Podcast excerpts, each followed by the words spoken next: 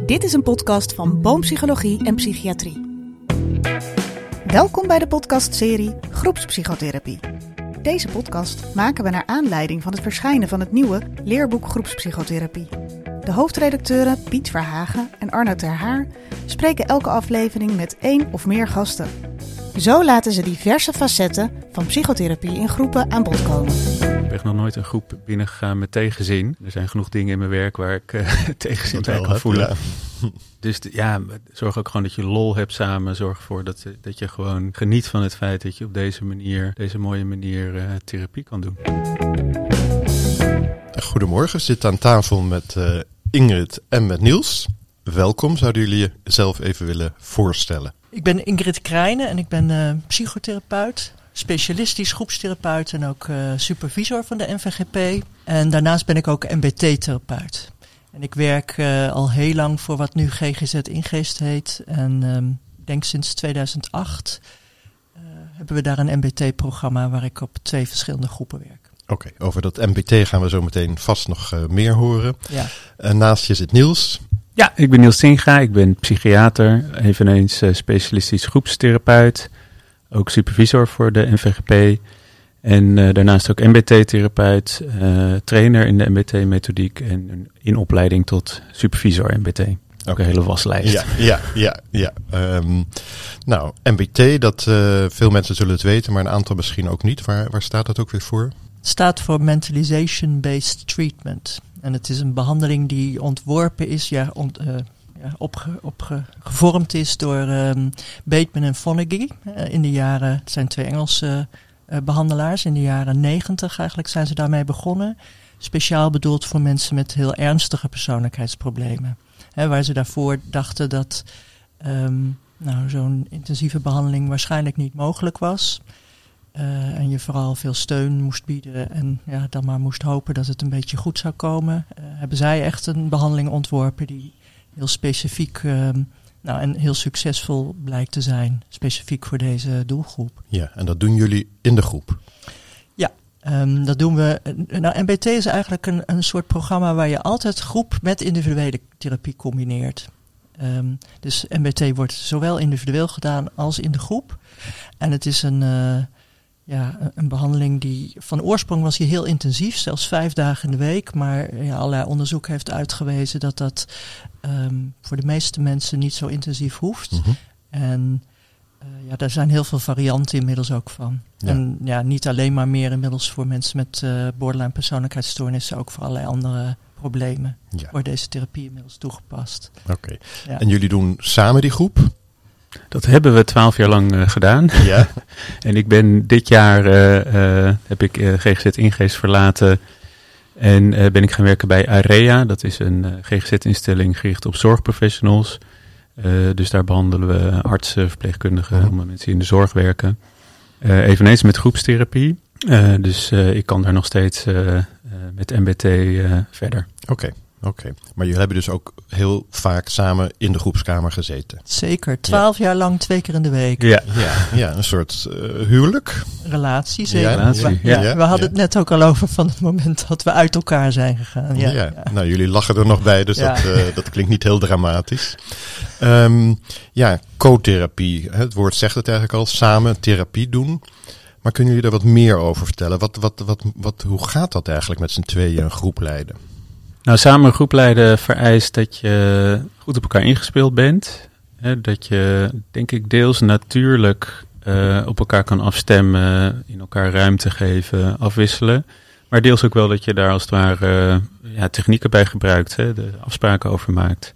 Zo is een van de dingen die ik me altijd voorneem en ook in, in supervisie aan uh, andere mensen uitleg. Als je co erg bezig is met een individuele patiënt, dingen aan het uitvragen, uitwerken dan is jouw taak als co-therapeut vaak letten op de rest van de groep. En in plaats van dat je nog een vraag over diezelfde patiënt uitstort, ga je juist op zoek naar wie kan ik hierin betrekken? Hoe kan ik dit breder maken in de interactie? Um, en ik denk dat een succesvolle co-therapie-relatie dat eigenlijk op een soort natuurlijke manier verloopt. Ja. ja. En, en um, moet je dat dan maar zomaar ontdekken of je dat kan? Of kan je daarin opgeleid worden? Hoe, hoe ontwikkelt zich dat?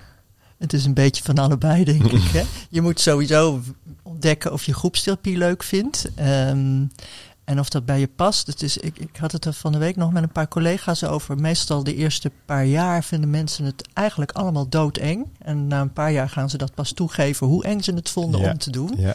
Eh, maar het blijft ook zo fascinerend dat je tegelijkertijd wel, eh, ja, heel veel mensen in ieder geval wel de wil hebben om, om het verder te leren. En ehm, ja, co-therapie is iets van je moet, wat Niels net zei, het moet, er moet wel iets van een soort klik zitten. Je moet elkaar wel mogen. Mhm. Ik heb heel veel verschillende co-therapeuten gehad. Het is een aantal keer geweest dat het echt niet liep en dat we daar ook mee opgehouden zijn. En meestal, ja, ehm, is het wel iets waar je ook weer aan moet werken. Hè. Je noemde het net een relatie, maar dat, dat is het ook wel. Je moet natuurlijk ook wel elkaar leren kennen, eh, leren zien van wat elkaars sterke kanten zijn, eh, elkaar kunnen opvangen als het moeilijk wordt.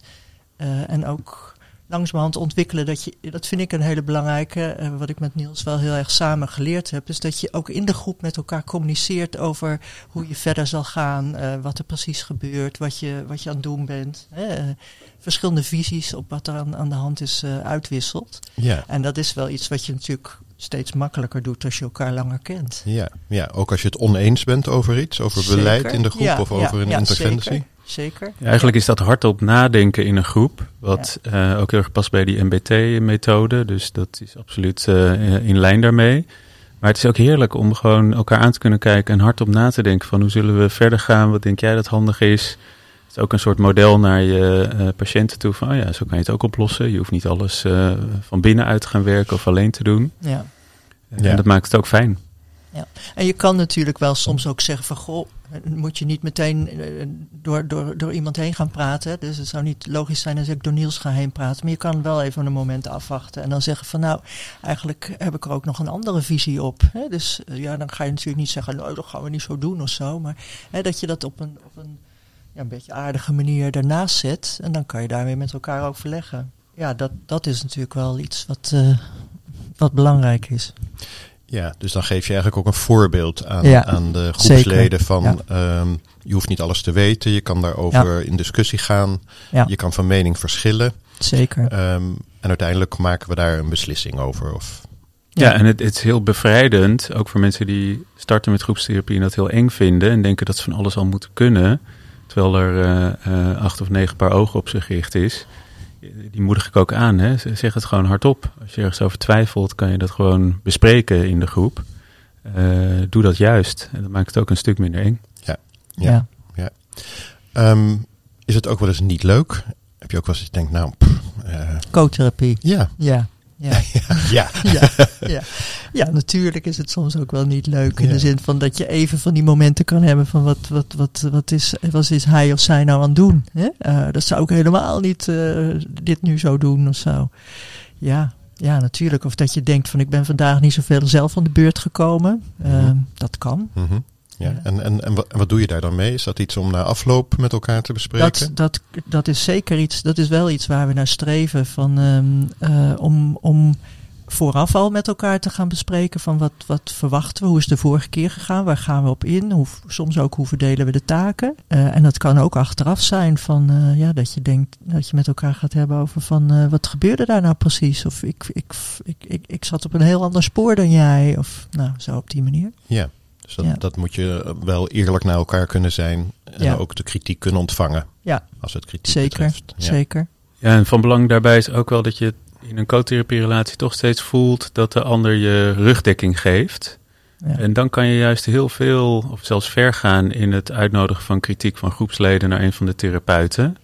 Omdat je toch weet van, nou, mijn co-therapeut helpt die kritiek naar voren brengen, maar eh dekt me ook. Hè, dit is niet een verkapte vorm van eh, kritiek die ik pas in de groep te horen krijg over mijn functioneren. Want dat doen we daarna, dat hebben we allemaal goed uitgewerkt.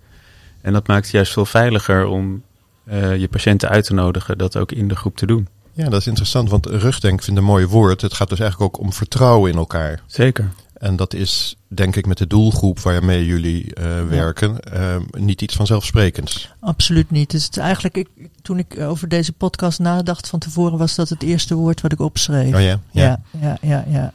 Ehm, en ik denk dat, dat dat heel belangrijk is. En hoe langer je samenwerkt, hoe meer je ook van elkaar weet hoe je van elkaar op aan kan. Eh, en dat helpt ook weer om de band te verstevigen en om de volgende keer weer te doen. Ehm, maar ja, wij hebben wel best heftige situaties meegemaakt samen. En ehm, nou, dat we echt allebei uh, met klotsende oksels daar zaten, bij wijze van spreken. ja. ja, en, en groepsleden dat ook echt wel, uh, nou, dat we dat ook tegen ze zeiden. Hè, van dit, dit is voor ons ook heel spannend. Dat ze dat ook wel begrepen. Ja, ja het feit dat je daar samen doorheen komt, is natuurlijk wel heel prettig. Ja. Ja. Ja, en ik, nou goed, ook bij mijn afscheid, dat riep veel op natuurlijk bij uh, de, de, patiënten die we behandelden. En um, het was heel erg nodig om die breuk die ik natuurlijk zelf ook had veroorzaakt, goed te kunnen bewerken. Ik had ook bewust uh, het aangekondigd en nog drie maanden tijd genomen om echt afscheid te nemen. Dus daar hadden we ook de tijd voor. Maar daarin moest, ja, was pijnlijk voor Ingrid, want ik had haar natuurlijk ook een beetje in de steek gelaten. Ingrid was mhm. ook de eerste die ik opzocht met tranen in mijn ogen toen ik uh, had besloten weg te gaan. En toen moest ik vloeken. ja. Maar ook in de groep, ja, is dat natuurlijk, moest Ingrid kunnen aansluiten bij mensen die daar boos over waren. Uh, dat ook kunnen uitnodigen uh, en, en toch ja, een soort veiligheid bieden voor mij, dat het niet te heftig werd. Dus dat is heel precair geweest, maar ook heel goed geslaagd. Hmm. denk ik, ik heb me daar geen moment onveilig in gevoeld of ja.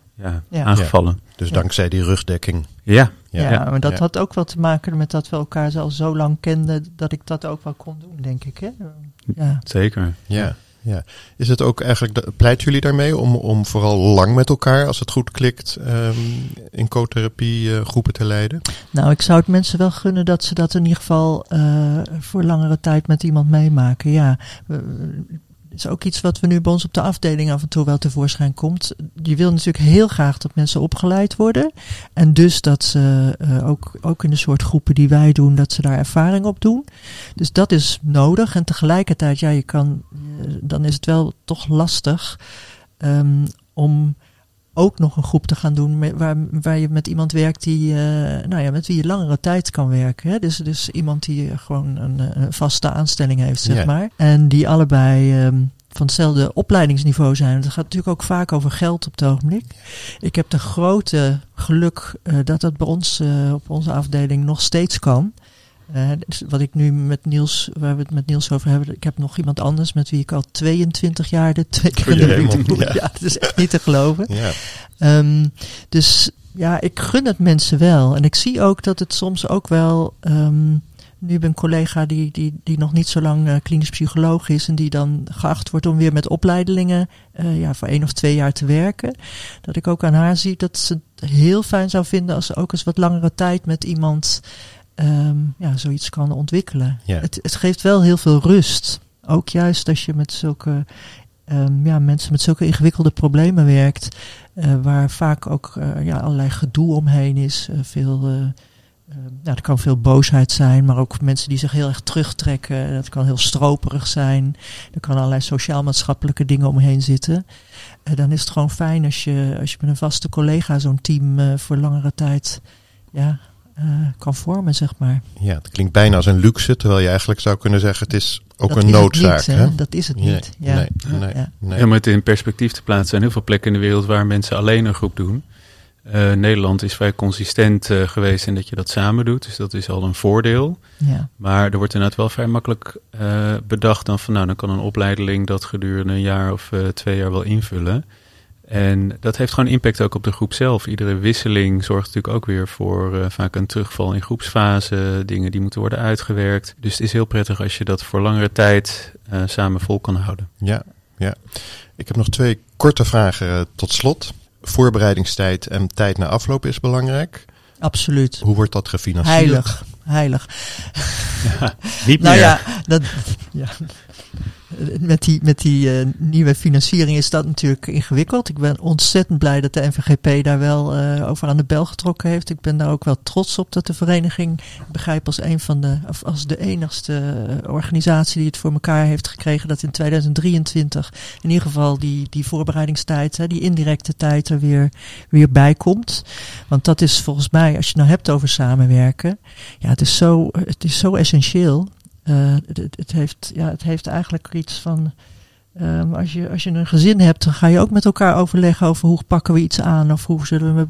Uh, je, kan, je kan er niet zomaar in gaan zitten en dan denken dat het dan ter plekke gebeurt. Nee. Dus voor die mensen in de groep ook heel belangrijk dat ze merken dat je over ze nagedacht hebt. Het is heel belangrijk dat je zelf uh, door erover na te bespreken en voor te bespreken, ja, zorg er ook voor dat je er uh, nieuwe ideeën over vormt. En dus, dus ja, ook misschien tot nieuwe oplossingen met die groepsleden komt. Ja. ja. Uh, dus ja, dat is essentieel. Ja. Ja. ja. ongeacht de financiering is het gewoon iets waar een hek omheen moet dat je doet. Dus laat dat niet uh, van je afpakken en ga er ook vooral niet het zelf op, op, opofferen. Ja, ik hoor het van supervisanten veel. En dat is altijd het eerste waar ik over begin met ze. Van, uh, ja, hoe kan je ervoor gaan zorgen dat het toch ergens wel gebeurt? Ja, noodzaak dus. Ja, ja, ja. absoluut. Tot slot, um, hebben jullie een take-home message voor de luisteraar? Wat, wat zouden jullie, als het over co-therapie gaat, um, willen meegeven? Nou ja, vooral uh, uh, dat je er ontzettend veel plezier aan kan beleven. Het is natuurlijk ook bijzonder dat je een therapievorm doet waar je getuige bent samen van het hele proces en erop terug kan blikken. Dat maakt het ook zoveel rijker, vind ik, dan als je dat alleen in je kamertje doet. Dat is in het algemeen van groepstherapie ontzettend leuk. Ik heb echt nog nooit een groep binnengegaan met tegenzin. Er zijn genoeg dingen in mijn werk waar ik uh, tegenzin bij kan voelen. Uh, dus ja, zorg ook gewoon dat je lol hebt samen. Zorg ervoor dat, dat je gewoon geniet van het feit dat je op deze manier, deze mooie manier uh, therapie kan doen. Ja. Sluit je bij aan? Ja, sluit ik me bij aan. Nou, ja. mooi. Dank jullie wel voor jullie uh, um, toelichting. Um, we sluiten het hierbij af. Wil je meer weten of ben je benieuwd naar het leerboek? Kijk op boompsychologie.nl slash groepen. Je kunt ons ook volgen op Instagram. boom, laagstreepje, psychologie, laagstreepje, psychiatrie. Of kijk even in de show notes bij deze podcast. Bedankt voor het luisteren.